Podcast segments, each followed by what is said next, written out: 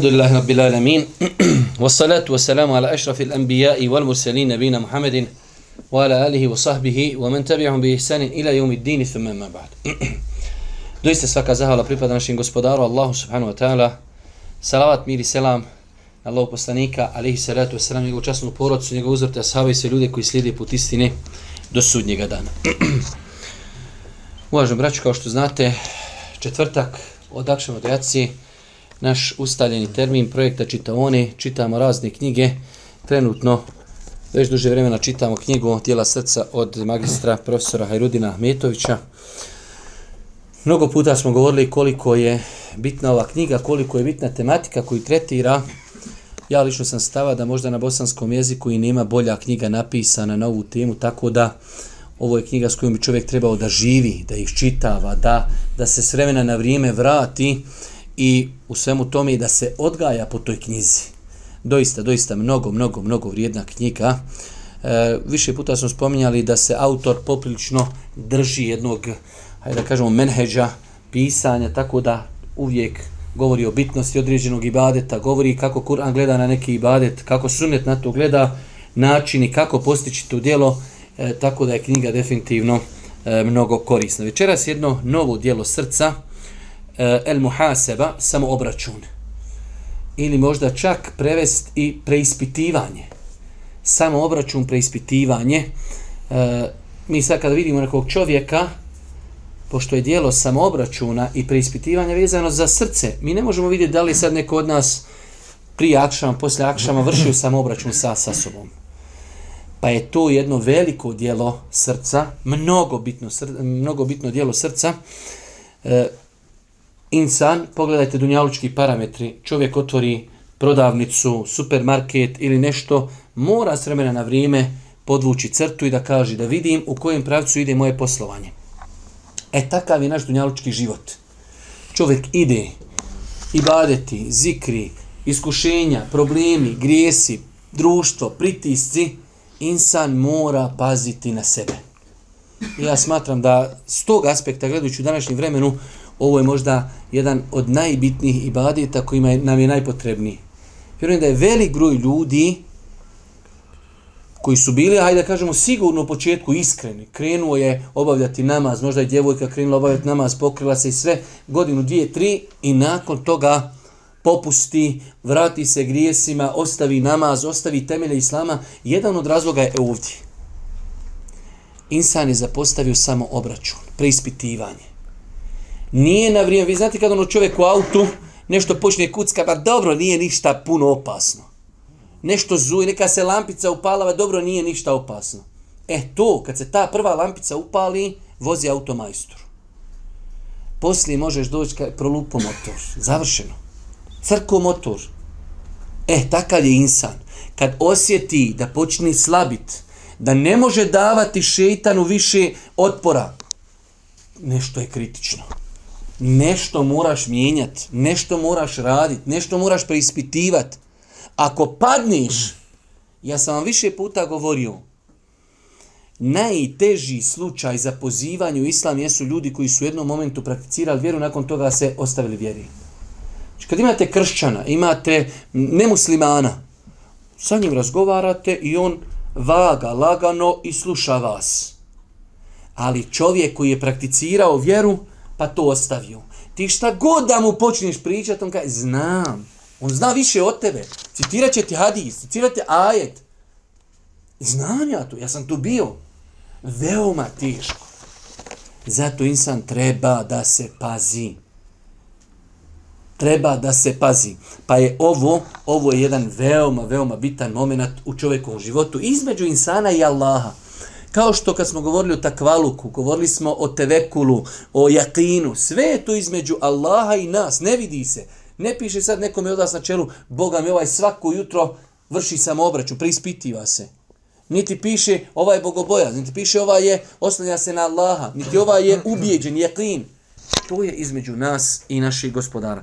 Pa je ovo znači mnogo, mnogo bitan srčani ibadet. Da čujemo šta nam kaže autor jedno od bitnih dijela srca, srčanih ibadeta, jeste i muhaseba, to jest obračun. Mm -hmm. Samo obračun. Du samo obračun. Mm -hmm. Duša je po svojoj prirodi sklona zlu i prelaženju svake granice u tome, te je natapaju strasti i svake druge bolesti. Mm -hmm. Opasnost duše je ogromna posljedica pogubna. Zbog toga potrebno je zauzdati uzdama bogobojaznosti i usmjeriti ka pokornosti, a to nije moguće osim sa stalnom kontrolom i obračunom svoje duše. Znači, braću moja draga, ja sam o tom i dosta puta se kad je Ramazan o tom i govori. Mi imamo dva mnogo jaka faktora, apsolutno svi imamo, a nakon toga se pridodaju drugi faktori. Imamo svoju dušu. Allah je šalom u Kur'anu suri Jusuf kaže inne nefsele emaratum bisu. Duša poziva zlu. Duši je teško na saba ustat. Džaba, joj daje spavat, brate, fino, ljepota. Postit, pa dug dan oborit pogled, da je malo kužnica. Znači, duša poziva zlu. Ona hoće u zlo. Imamo to, taj faktor, imamo faktor šetan. I on non stop čovjeka gađa, non stop ga slabi, non stop. E sad, uzmite ova dva jaka faktora. Imamo dušu, imamo šetana i imamo ambijent društva. I pogledajte, bez obzira, neću mi glumit, ali iziđite, da li naše društvo, kada iziđeš na ulicu, odeš u školu, odeš u firmu, da li ono tebe podstiče na islam ili te odvraća od islama? Ama, apsolutno, odvraća te od islama. Ljudi piju, ljudi varaju, ljudi kladionice, djevojke otkrivene, muzika, nargila, sve, sve te odvraća od islama. I e sad kad uzmiš ona tri faktora, duša, šetan i društvo u kojem živiš, faktori, sve te to nagriza tu ako ne znadniš na vrijeme potegnu tručnu, sam sebe preispitivat, sam kontrolisat svoje vrijeme, kontrolisat svoj iman, ili kad počne ono malo hrđa nagrist auto. Pametan čovjek šta kaže? Odma vozi majstoru čisti, farbaj. Brate, kaj pas, u, u proljeće ću. Dođeš struho prag kompletan. E, kad ti struhne prag u srcu, gotovo. Pa se insan na vrijeme kad osjeti, aha, prija pa nisam pomišlju da uradim neki grih. Sad, Boga mi, ko malo se obliziva. Brate, znači, opasno je. Prija nije mi moglo pasti na pamet da bi ja mogu urati nešto. Sad ja to činim normalno. O, korozija, korozija. Idi na šmirglanje, farbanje, zaštita i to je to. Pa je, znači, E, bitno samobraćuna tu. Imamo mnogo faktora koji na nas djeluju. Ako mi ne budemo se preispitivali, ne budemo pazili, veoma lako se može desiti samobraćuna nešto što mi ne volimo. Dobro, dalje. Obračun duše ima ogromnu važnost koja se najbolje ogleda u sljedećem. Ok, dalje. Jedan. Pod jedan, sam obračun je put do ustrajnosti srca i čišćenja duše. Srce se ne može osnažiti, niti duša čistiti osim nakon obračuna. Nemoguće da čovjek, evo uzmite, non stop ćemo nešto, dobro auto. Nema dobro auto osim servisirano auto. E to je taj servis. Servis Moraš pazit, moraš se neprestano izgrađivat, neispravno preispitivat, pa da bi tvoj imam bio dobar. Zapustiš auto godinu dana, dvije, ne voziš ga, kada ga odvučeš majstor, a pa ka klima se, pa puklo, pa fali, pa curi, pa, ha, e to smo mi. Zapustiš sebe, zapustiš svoj iman, zapustiš svoje srce i onda kad dođeš nekome da mu ispričaš svoje stanje, brate, šupaljko, vreća od, od jabuka i krompira. Dalji. Samobračun je dokaz čovjekove dobrote, dokaz njegovog imana i straha od Allaha subhanahu wa ta'ala. Onaj koji se ne boji Allaha, njega ništa ne postiče da zastane kod svoje duše, obračunava je uoči njenje mankavosti i posegne za njenom popravkom. E, sad ovo, ako imamo pri sebi obračun, još je ta svijest znači jaka, još nije kasno. Sve dok se ti boriš, vidio si kod sebe mahanu, pa te ta mahana tišti, grize i ti to razmišljaš o tome i pokušavaš pobrati, to je dobro. To je pokazatelj da još, znači iman još kuca jako. Taj senzor još radi. Ali, znači ako insan dođe, čini grijehe i ništa, ne osrči se.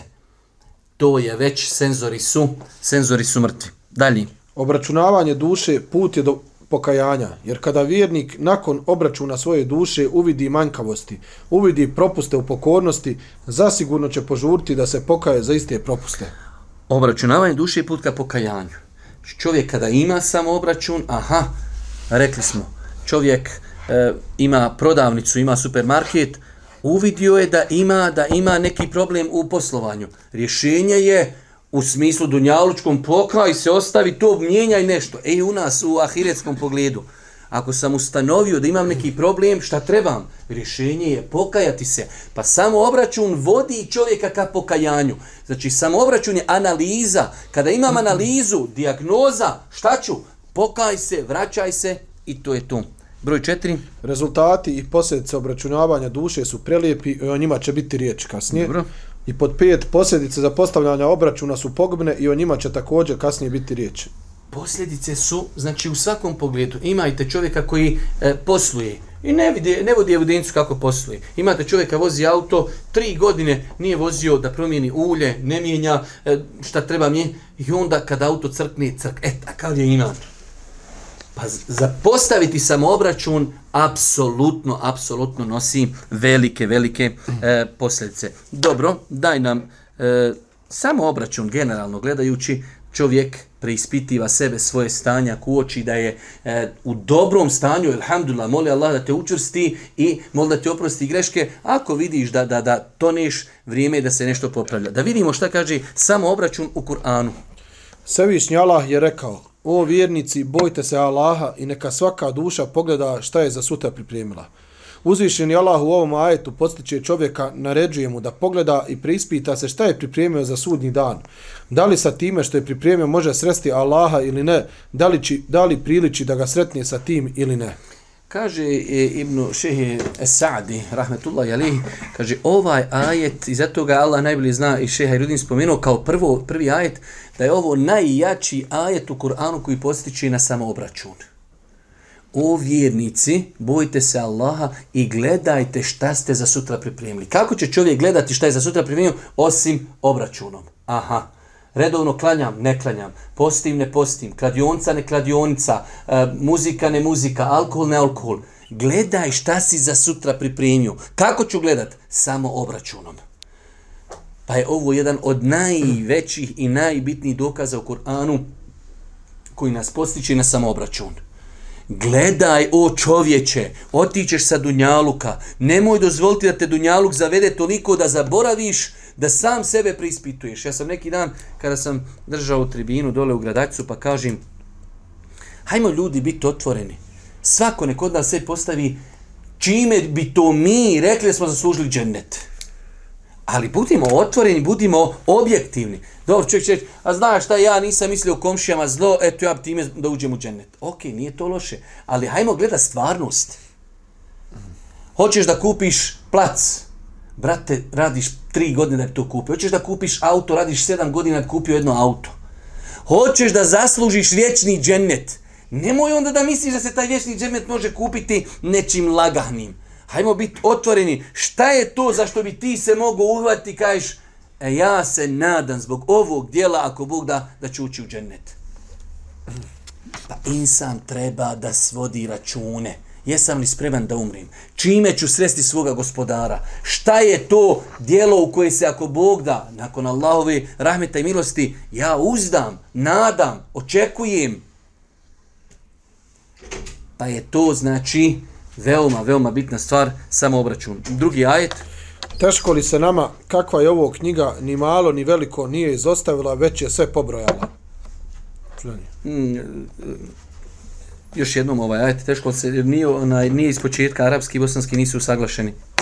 Kaže uzvišnji Allah, teško li se nama, kakva je ovo knjiga, ni malo ni veliko nije izostavila, već je sve pobrojala. Wa wudi al kitab fa tara al mujrimina mushfiqina mimma fihi wa yaquluna ya waylatana kada se dođe, kaže, na sudnji dan, bit će donešena knjiga, pa će ljudi biti prestrašeni. I onda dolazi i kaže, teško li se nama? Kakva je ovo knjiga? Ni malo, ni veliko nije izostavila. Sve je pobrojano.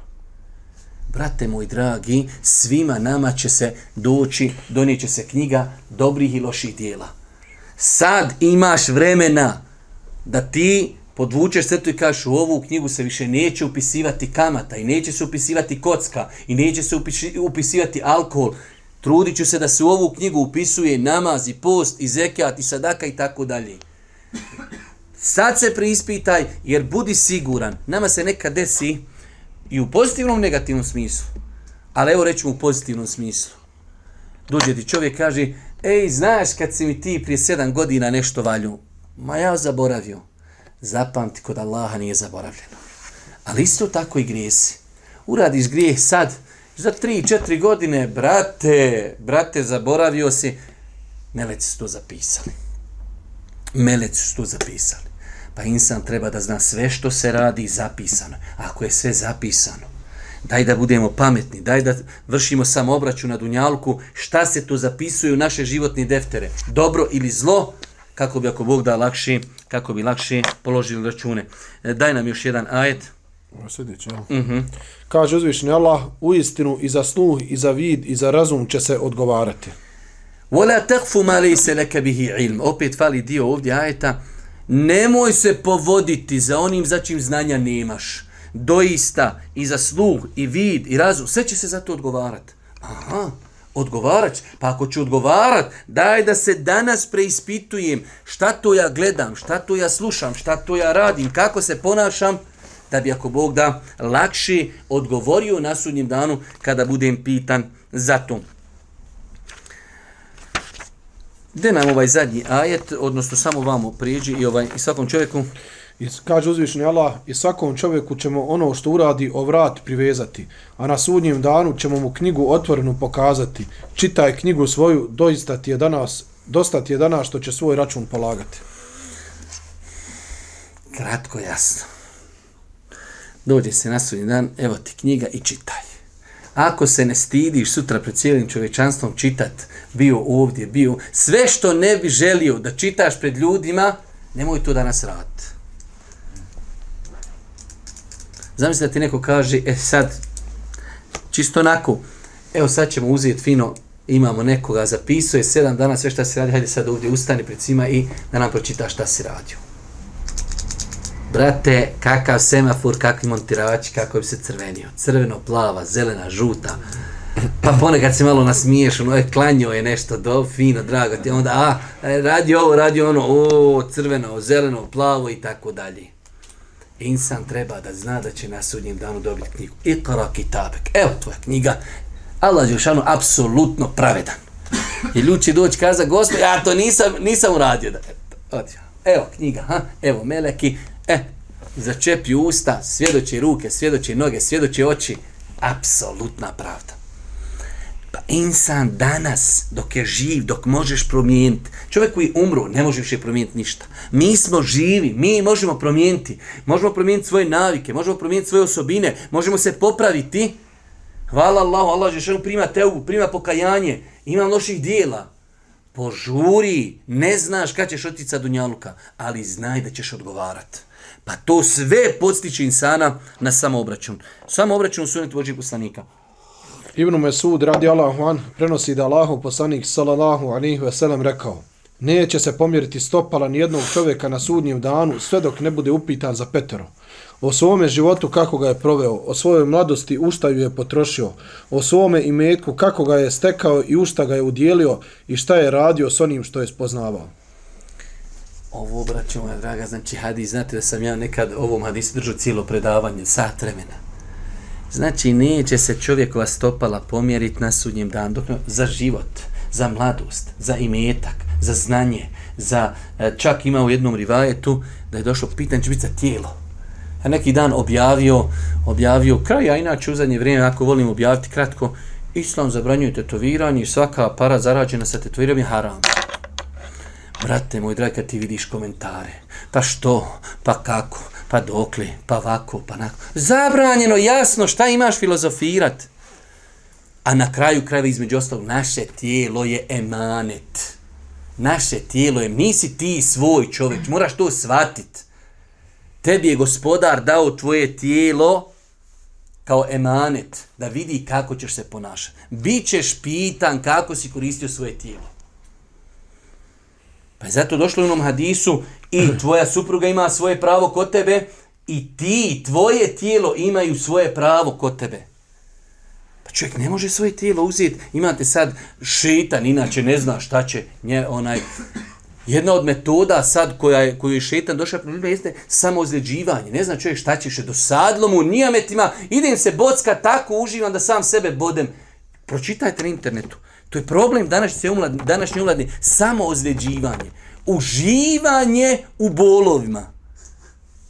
Dosadilo ti u finom, e haj sad idem uživat, bodem se i šetan to uljepša. Tetovirat, imaš ljudi daždenjak.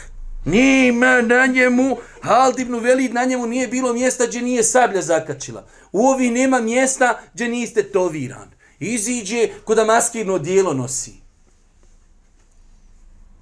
zabranjeno, to je tvoje tijelo. Pa će insan na sudnjem danu pitati, biti pitan za mladost, za vrijeme, za život, za postupke, za znanje. Koliko ljudi znanja imaju, ne radi po tom znanju. Ima li danas u Bosni čovjek koji ne zna da se mora klanjati? Ja ne znam da može biti čovjek, kaže ja sam musliman, ali ne znam da se mora klanjati. Kroz mejtev, kroz hudbe, kroz bajrame, kroz novine, kroz internet. Svi znaju da se mora klanjati. A koliko nas klanja? Pa će čovjek biti pitan o znanju, koliko je po njemu radio. Biće pitan o imetku, kako ga je stekao i gdje ga je potrošio. Neki dan isto objavim jedan kratki post, kladioncer, ko svaki imetak potrošen u kladionci je haram, potrošen na haram i svaki dobiven je haram. A ja rab, kad ti dirneš tu u ose, kada si ljudima prst u oko zabio moj novac, ja mogu sa njim raditi šta hoću, ja ne možeš raditi šta hoćeš. Možeš ti raditi šta hoćeš, neispravno. Haram potrošen na haram način i ako ga dobiješ, dobiven na haram način. Pa kad insan zna ovu, da se neće stopala pomjerit, prije nego bude upitan za ove stvari, šta to znači? To će ga potakjeti da danas priprema odgovor za te stvari. A kako pripremati odgovor? Samo obračunom. Ha, prvo pitanje. Život tu što sam proveo. A daj odgovor, piši u šta si život, život proveo. U utakmice, u filmove, u serije, u, u kladionici. Imaš ljudi, on je, da ima ikakav ibadet, se zove i tikaf u kladionici, on bi taj, tik, on bi taj ibadet volio.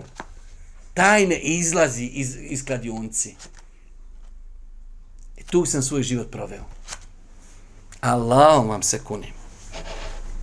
Ne bo, sa, što je to haram, za, što je to bolest. Vjerujte, to je bolest.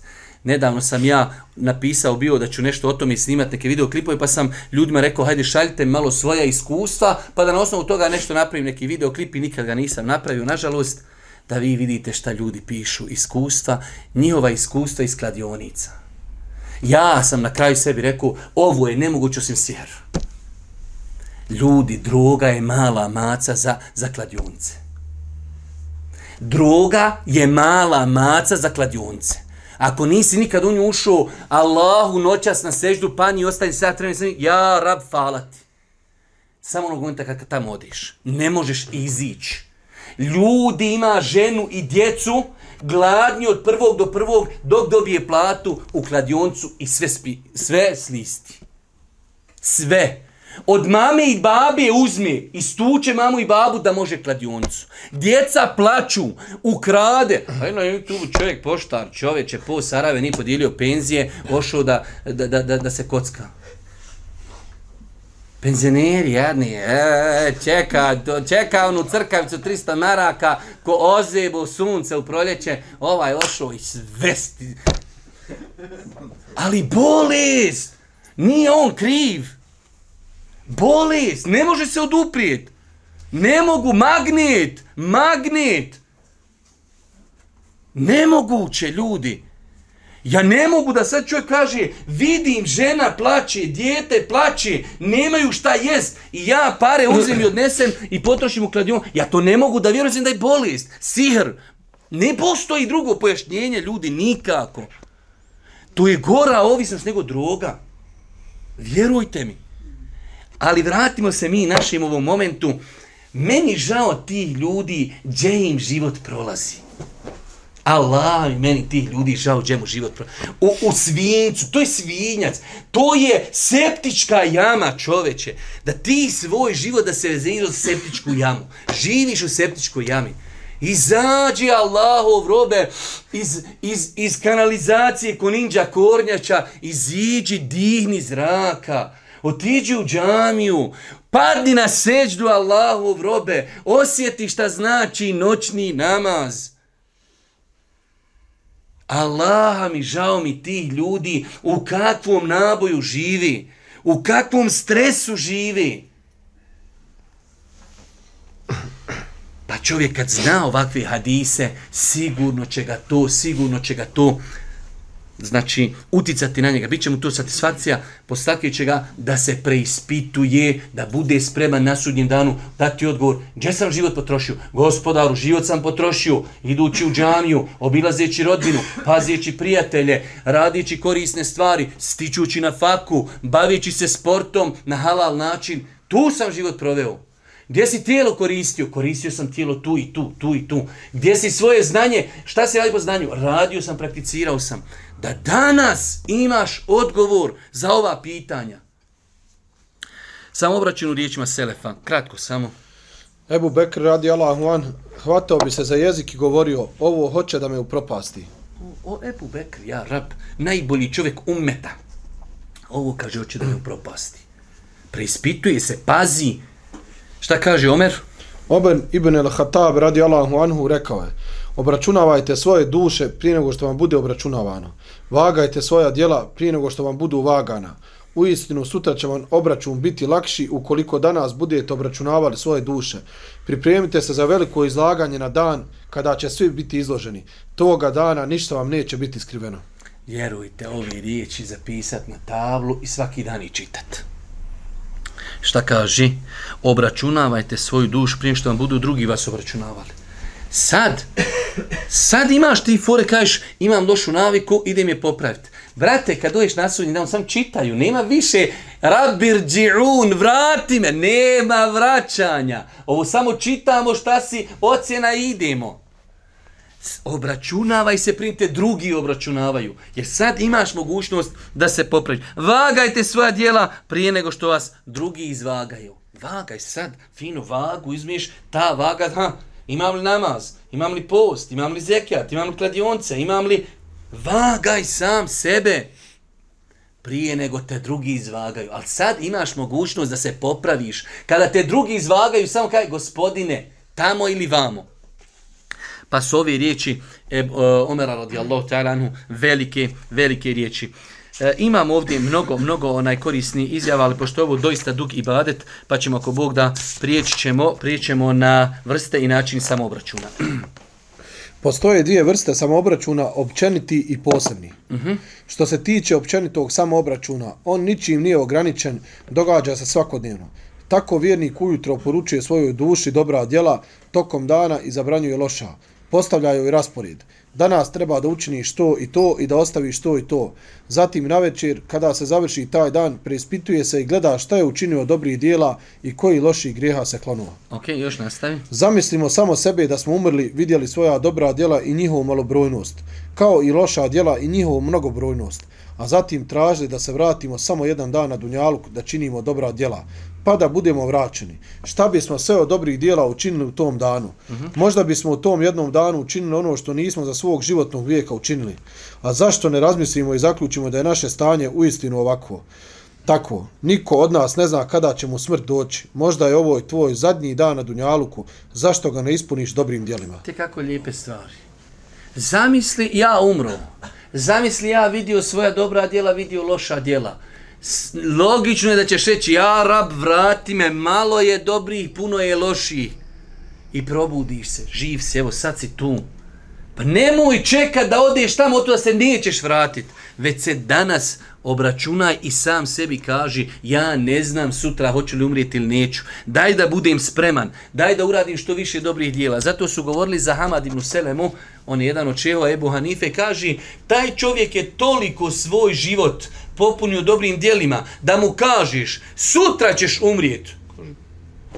Bujrum, ja ne mogu u svoj život dodat ništa više.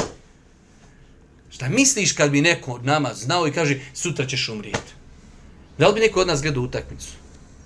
Da li bi neko od nas imao vremena za kladioncu? Sutra umri, brate, zikri, šućura, i dove, teube, namazi, klanja i plaći. Radi dobra dijela, smije se ljudima, zovi u islam, bilo šta dobro uradi.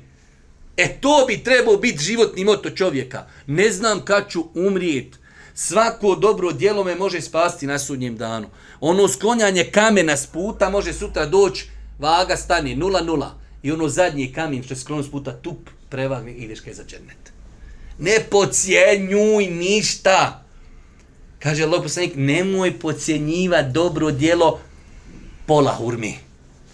Nema pola hurmi. Osmi, nasmiješ se makar čovjek. Nema ni tu. Nemoj loše pričat. Nek se ljudi, kaže, nek su ljudi sigurni od tvog zla. I to je sadaka. Ali na bilo koji način čini dobra djela ne znaš kad ćeš otići. Kad odeš, poželjet ćeš da se vratiš. Pa zašto sad ne okreniš i to? Evo ja sam tu. Zašto da odem pa da, pa da poželim da se vratim? Evo ja sam tu, vratio sam se. Iskoristite život. Zato kažem Allah mi. Ja kad vidim i, i prijatelja i rođaka i poznanika, ljudima dosadno život, kaj ne znam šta će od sebe. Allah mi te... To mi je najteže kad im čovjek, aj dosta, ne znam šta ću. Jer imam jednog insana, haj sad da ne govorim preko interneta, da se ne bi prepoznao, ali jedan insan, ne znam kaj šta ću u životu, ma čovjek, ne znam šta ću, dan mi dug veli beričeta, ma, ali ne, ne znaš što je šta. Ja, Allahu, dragi, rekao čovječe. O toliko, o toliko dobrih dijela koja nas okružuje čovjeku do sada kad više ne penzionire, njemu je, on sjedi cijeli dan i auta dole, gore, dole, gore. I cijeli dan. Bolan, uzmi tespi, estakfir Allah, estakfir. Polako zikri, bolan. Šućuraj, možda te sutra ćeš umrijet. Joko, novine pročita osam puta. Iste novine. Po cijeli dan sjedi. Kanali njega više mrze na televizoru. Znači, on je dosadio kanalima, ne kanali njemu. Pa bolan, zar nisi za 60 godina shvatio, valja u kabur, valja nas, pa Kur'an, pa Hatma, pa Zikr, pa dobročinstvo. Znate, ljudi koji su giganti, uradili su more dobrih dijela, ljudi paralizuju, na, na, sve leži na, na krevetu i sve telefonom.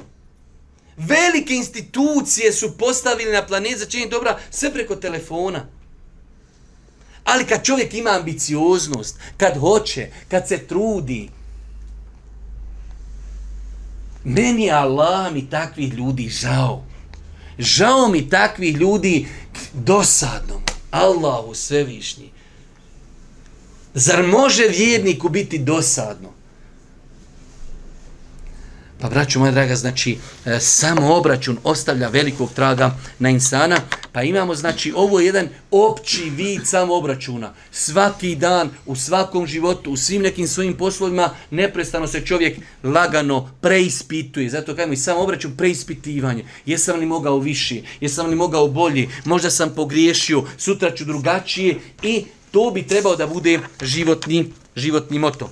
E, posebni samo obračun, Posebni samoobračun ograničen je na posebno vrijeme ili posebno stanje. Uh mhm. -huh. Može se podijeliti na četiri vrste. Uh mhm. -huh.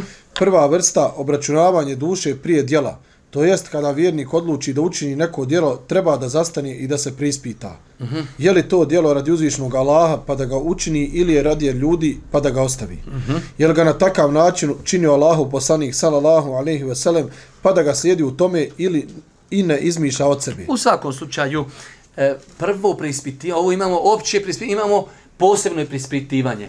Pa u tom posebnom preispitivanju imamo nekoliko, hajde da kažemo, stepenica. Prije dijela, da čovjek hoće nešto da uradi, stop. Znali su reći Selefu, kaže, hajde sama na, na dženazu. Čovjek nije u planu, kaže, čekaj malo, stani. Hajmo, kaže sad. Čekaj, hoću da zanijetim, hoću da imam namjernu ibadeta, hoću da idem radi Allaha. Čovjek hoće uraditi neko dobro djelo. Čekaj, što ja to radim? da se preispitam. Da li je to tako radio Boži poslanik? Da li ja time želim Allahovo zadovoljstvo? Da li ja time želim da me ljudi vide? Da li ja, ne daj Bože, želim da me neko pohvali? Stop! Nisi još uradio, nisi zaglibio, nije kasno. Stop! Preispitaj se prije nego što uradiš dobro djelo. Broj dva, Druga vrsta obračunavanje duše nakon učinjenog djela. I ova vrsta obračuna ima svoje tri podvrste. Aj malo, nabrzim, samo ti podnosi. Pod jedan, obračunavanje duše zbog manjkavosti i nemara u pokornosti. Broj dva. Obračunavanje duše za djela koja je preče bit, bilo ostaviti nego uraditi. Mm. I pod broj tri, obračunavanje duše za dozvoljena uobičajna djela, da li je čovjek uradio radi Allaha, je li njima tražio ahiret ili dunjaluk i slično. Znači imamo prije, imamo i poslije. I znate da Allah poslanik ali se letu selam nakon namaza šta je prvo izgovarao? Estagfirullah, estagfirullah, estagfirullah. Allahu ekber. Pa sad, sad bio u namazu i prva riječ je estagfirullah. Nakon dijela estagfirullah, ja rab, ja sam obavio namaz, ali možda su misli otišle lijevo, možda nisam fino ispravno izgovorio, možda se nisam ispravno okrenuo i tako dalje.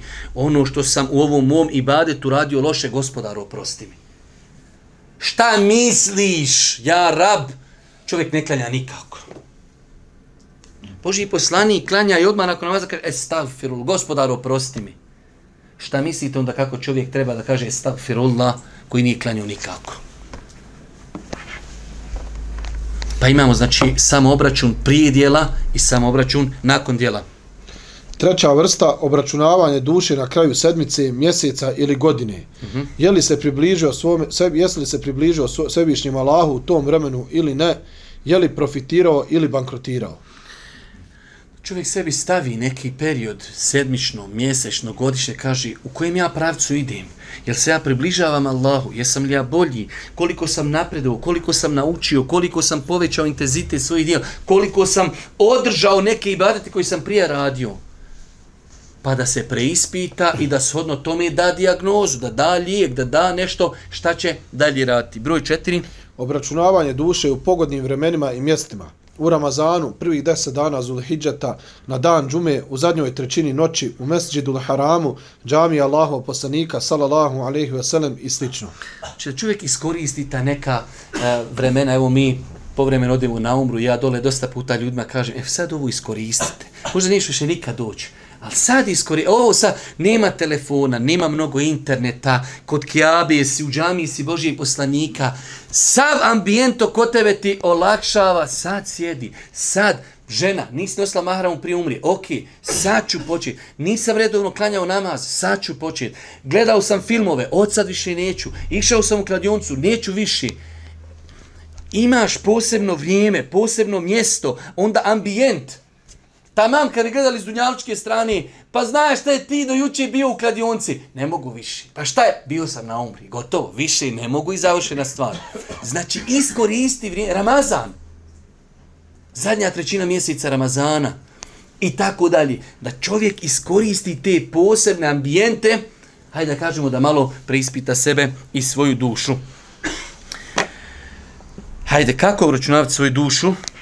Nakon što smo se upoznali sa prijetodnim, postavlja se pitanje kako obračunavati svoju dušu. Kao odgovor na ovo pitanje spomenut ćemo riječ islamskog autoriteta Ibnul Kajima Rahmehullahu Teala. Spominje Ibnul Kajim da obračun duše biva na sljedeći način. Mhm.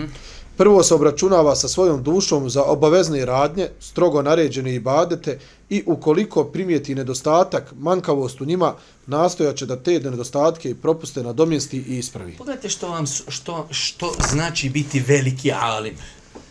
Imate riječ, zove se ulema arrabanijin. Prava ulema, pametna ulema, pronicljiva ulema, dalekovidna ulema prvo ti daje, zato kažu šta je definicija tog alima rabbanija, da podučava ljude malom znanju prije velikog znanja. Allahom vam se kuni. Ne znate koliko je to danas potrebno.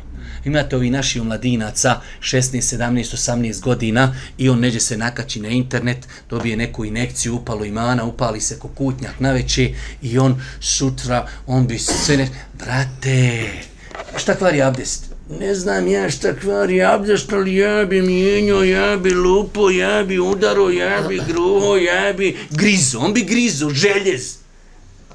Brate, abdest, abdest, ne znaš klanja trobe, fatihu, snati, fatihu, razumiješ, nema pojma. Halo, malo znanje. Pa kaže Ibnul Kajim, prvo počni s krupnim stvarima, to sad u nekom našem žargonu hoš kupiti šekija ovoga crnog, ja dobre maskice, kupujem ga.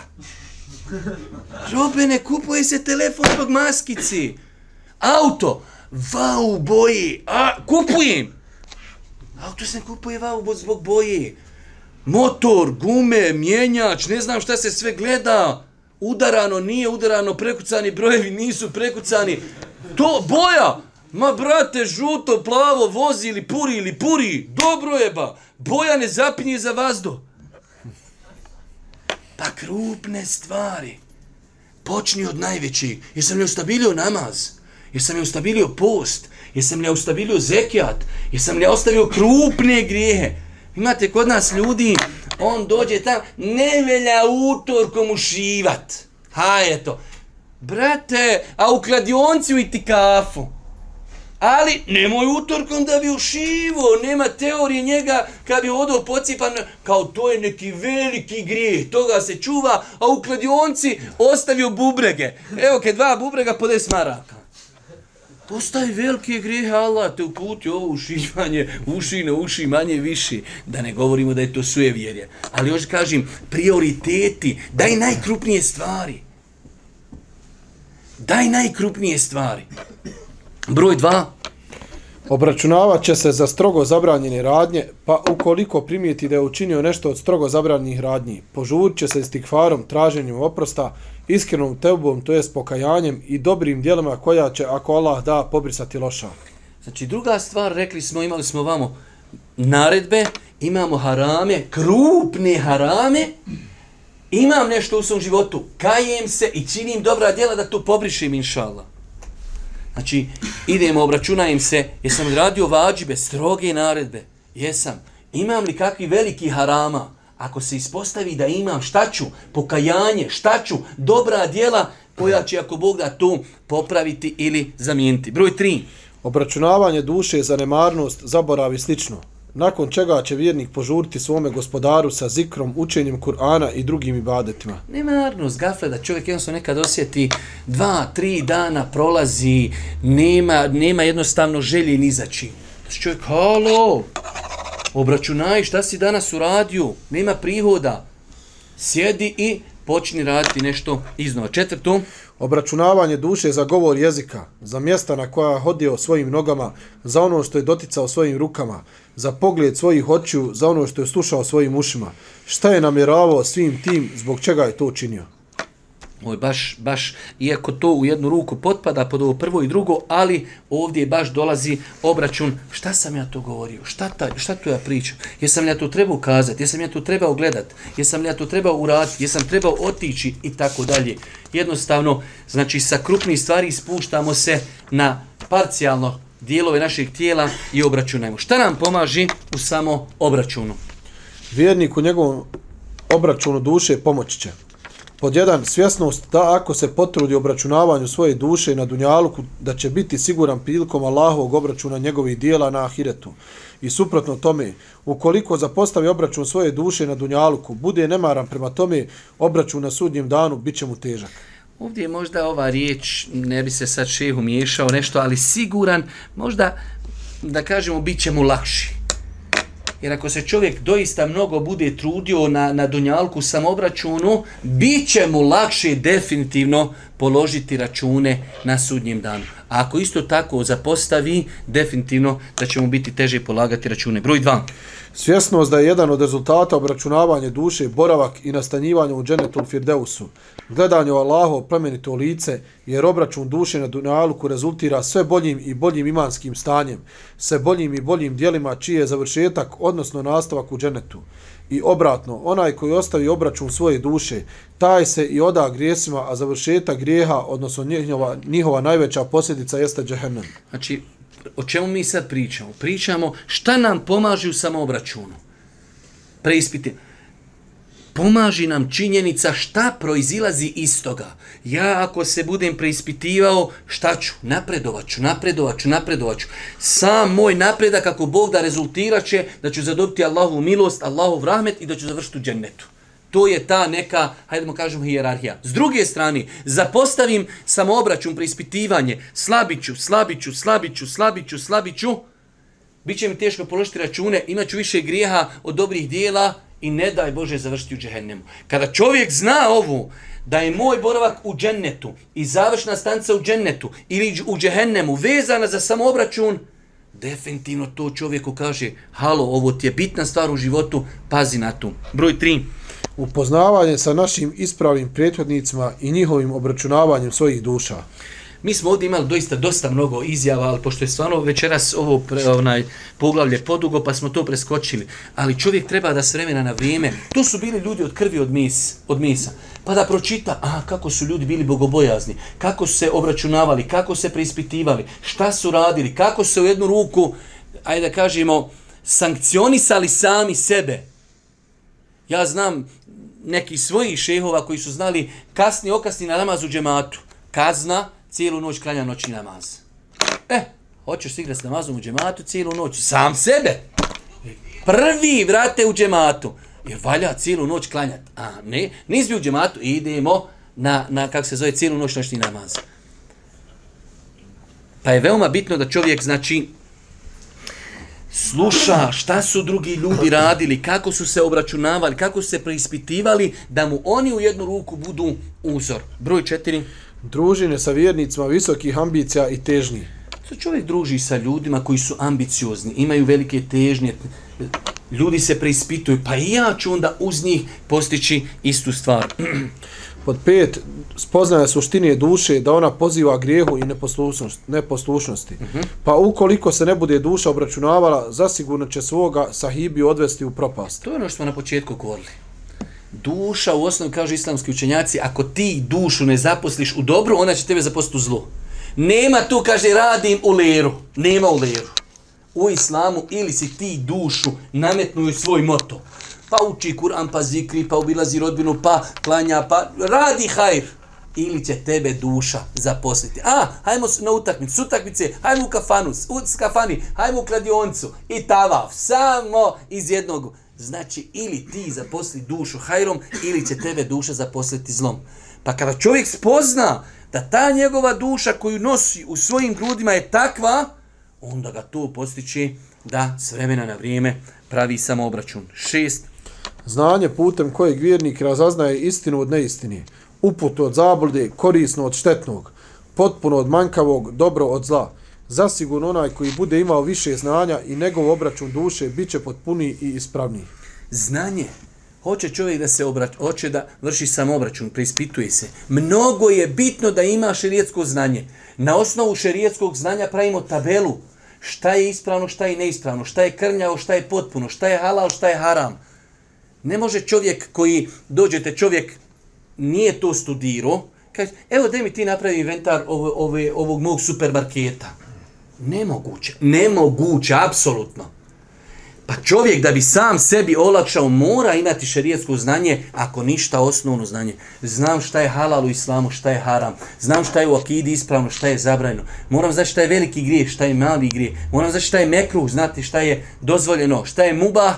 Nakon toga svodim obračun. Pa je veoma bitno imati šerijetsko znanje koje će čovjeku pomagati. Znam se dođe čovjek, djeca mu radila kontrolni i dadne svoju čerkicu i mislim radi, dešava se to, kaj, gdje si ne ti ovo ispravi da djeci ocjene?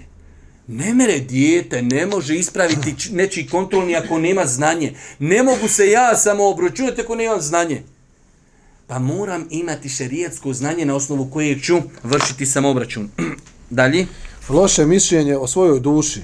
Jer onaj ko ima lijepo mišljenje o svojoj duši, dopada se sam sebi, te takav nikada neće ni uvidjeti svoje mahane. Čovjek da počinje uvijek da bude samokritičan. Mogu bolje. Ovo sam pogriješio, trebam se popraviti. Ne znači, halova, ja sam, eto, samo ne smijem reći, ali melek u ljudskom obliku. Šta ću se popraviti? Kakvi ima loši? Ma dobar sam i tako dalje. Ne, samo kritično.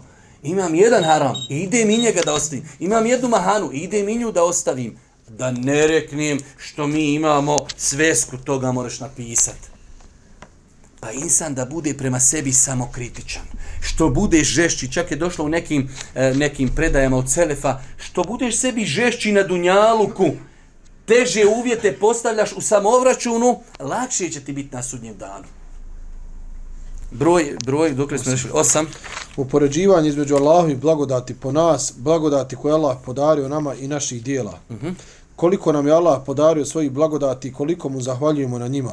Koliko uzraćamo Allahu svojim dijelima na tim njegovim blagodatima. Na kraju ćemo zaključiti da smo veliki nezahvalnici. Definitivno kad čovjek e, razmišlja na, na, na način koliko je ti blagodat koji mi Allah podario, definitivno to će biti raz da se čovjek preispita jesam li ja zahvalan? Zašto? Znači, tolike nijamete, tolike blagodati, ja opet činim grijehe i opet idem pravcu gdje ne treba i opet kršim Allahove granice, znači razmišljanje o nijametima definitivno će biti razlogom da čovjek počne sa ozbiljnim e, obračunom.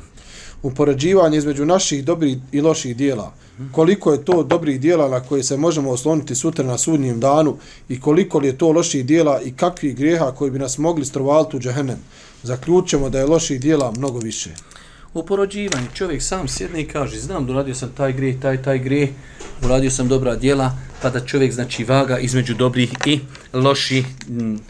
Ja bih volio ovdje još za kraj,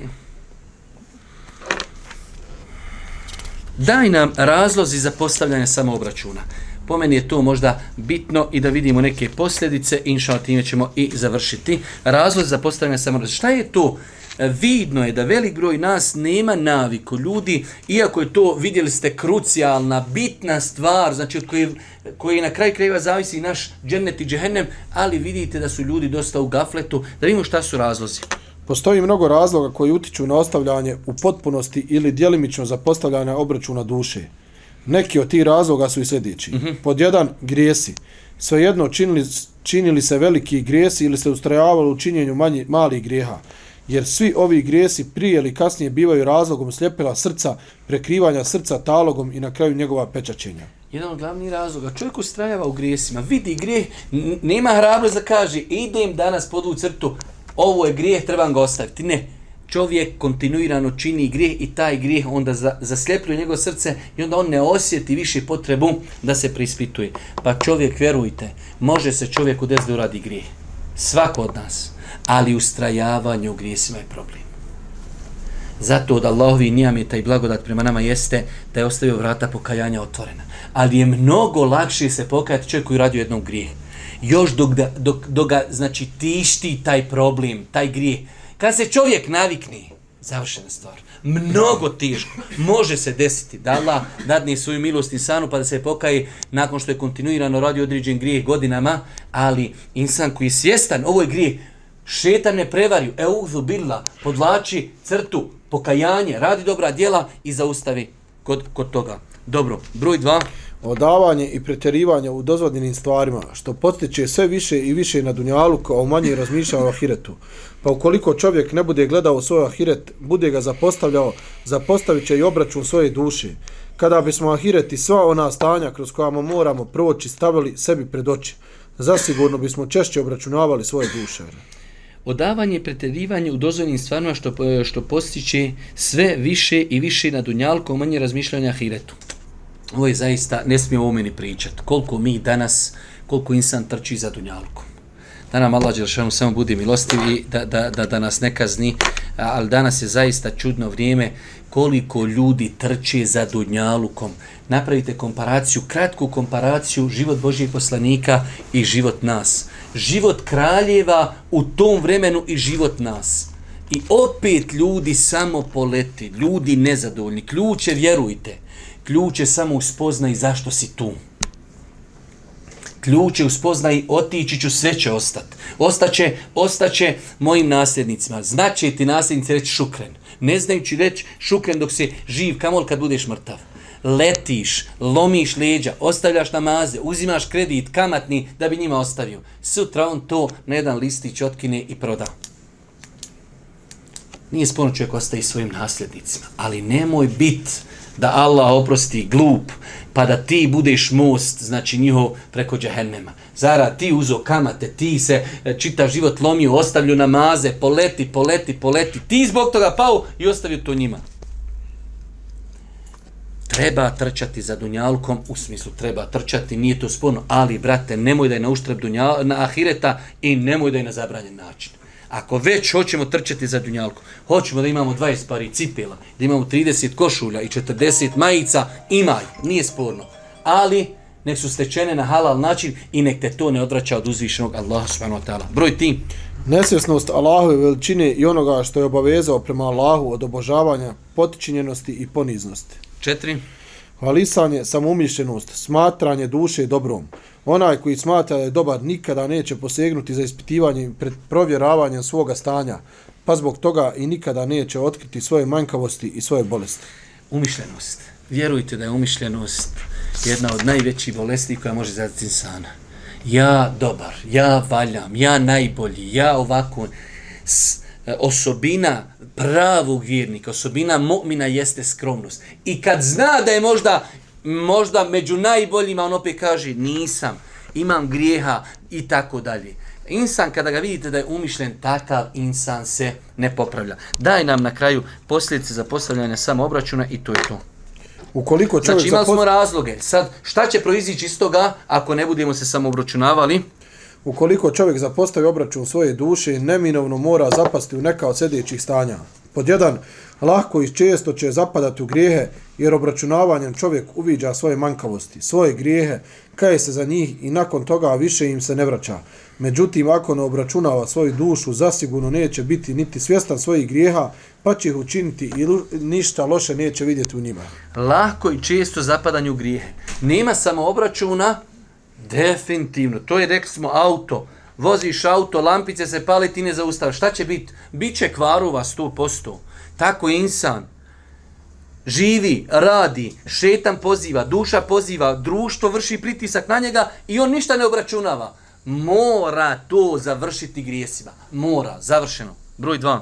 Ukoliko ga neko upozori na grijehe, ukaže da pri njemu ima grijeha, teško će te grehe ostaviti jer su mu oni usred za postavljanje obračuna postali običaj, okupirali njegovo srce pa mu je teško da ih ostavi. Vidite, ovo, ovo je, vjerujte, opasno. I molim te, pročitaj još jednom. Uzmite, ako ste imali slučajeve s ljudima koji dugo godina konzumiraju duhan, ljudi koji imaju godinama problem sa muzikom, ljudi koji imaju problem e, sa alkoholom, e, ovo je, pogledajte ovo, ovo je, ovo je e, nešto što se ne može platiti dunjalučkim novcem. Ukoliko? Ukoliko ga neko upozori na grijehe, ukaže da pri njemu ima grijeha, teško će te grijehe ostaviti jer su mu oni usred za postavljanje obračuna, postali običaj, okupirali njegovo srce, pa mu je teško da ih ostavi. Ne, čovjek nima samo obračuna. Naviko se na tim kaj, brate, koliko puta sam vidio čovjeka, tebi žao njeg, zar ne vidiš da te duham poje? Ja čovjeku došao, došao čovjeku na Koševo u bolnicu u posjetu. Operiso rak, grla, gotovo, umiri. Ugradili mu ovdje ono, kak se zove onaj medicinski aparat. Za heftu dana će umrijeti. Ja došao jadnik, donio mu bajagi zemzema, donio mu čerekuta i sjedimo na klub, kaže, sačka, kaže, zaburio sam kaj cigare iz sobi. Pljuno bi, skočio bi, krisno bi, vrisno bi. Zaklali te, ne mereš pričat. Ja bi zadnji dan u inači rekao, ja ću makar prije smrti na 24 sata ću ju ostaviti. Ne do zadnjeg dana. Ne mere, ostavi čoveče. Zašto? Zato što je gotovo. Nikad nema samo obračuna. Ušlo u krv. I nema, brate, ne mogu. Ljuti, svi ljudi vidi, brate, droga, ubi. Zar ne vidiš? Kradeš, problem, propadaš. Svi vidi, on jedini ne vidi. Meni žao ljudi, Allah mi žao mi čovjeka. Lik potroši od djece za mlijeko, potroši na kladioncu. I svi vidi da je to problem osim njega. Gdje je problem? Gdje je problem? Nije prvi put kada je ošao u kladioncu, je li ovo dobro? Nije dobro. E uz bilah šitan rađim. Više ne idem kroz istu ulicu gdje ima kladionca. Obilazim, idem preko grbavice. Neću da idem tuda više. Nisi na vrijeme obraćom pravio, ogrizo, ljudi ti kazuju, ljudi svi vide, ti jedini ne vidiš. To je opasno. Koliko imaš ljudi, ja vjerujem ljudima iskreni, ja bi volio, kaže, sad to ostaviti. Kašljim, ispadaš mi krajnici, odaš im pluća, ne mogu, sanjam, ne mogu bez toga. O to, brate, ha, što kažu braća krajišnici, ruče u babo, završena stvar, nema ta više se zeza. To, do smrti, do kabura, dole, pećicu, nek ti dole, dimi, nek ti čadi, idole. Dobro, broj. Tri. Otežano činjenje i badeta. Ibadet mu postaje težak jer svaki ibadet, svaka pokornost traži odlučnost i trud, zalaganje i marljivost. A sve to dolazi tek nakon obračuna duši. Nakon obračuna uviđaju se manjkavosti i donose čvrste odluke da se te manjkavosti otkone i zamijene pojačanim ibadetom. Definitivno čovjek kada zapostavi samobračun, oda se grijesima, ono ibadeta što ima svetu nasilu i svetu teško. Broj četiri, time kraj. Propast srca, kako kaže Ibnul Kajim, rahimahullahu teala, propast srca nastupa nakon zapostavljanja obračuna duše i njenog odavanja strastima. Srce, kad uništiš srce, nisi obračunavu, nisi čuvao, koruzija došla, pojela, završeno se. Šta kaže na kraj, dragi brate? Dragi brate muslimanu, znaj da ti je najveći neprijatelj tvoja duša, Stvorena je da postiće na zlo, a tebi je naređeno da je čistiš i vodiš ka pokornosti i bade tuzvišnom Allahu znaj dobro, zapostaviš li svoju dušu, odvešće te na stramputicu. Budeš li je saveo te vao, čistio i popravljao. Ako Allah da, napustit ćeš ovaj svijet kada dođe vrijeme za to. Smirene, dragi duše koja će biti zadovoljna svojim gospodarom, a i on uzvišen i zadovoljan će biti njome. Dosta. Molim Allah za šana, sveći se na put istini, molim ga svojom materijalom, da budem milostim na sudnjem danu. Subhanak Allahumma, zemljike, šedan, laj, laj, snakvirke, uaj, tubu, ilajk.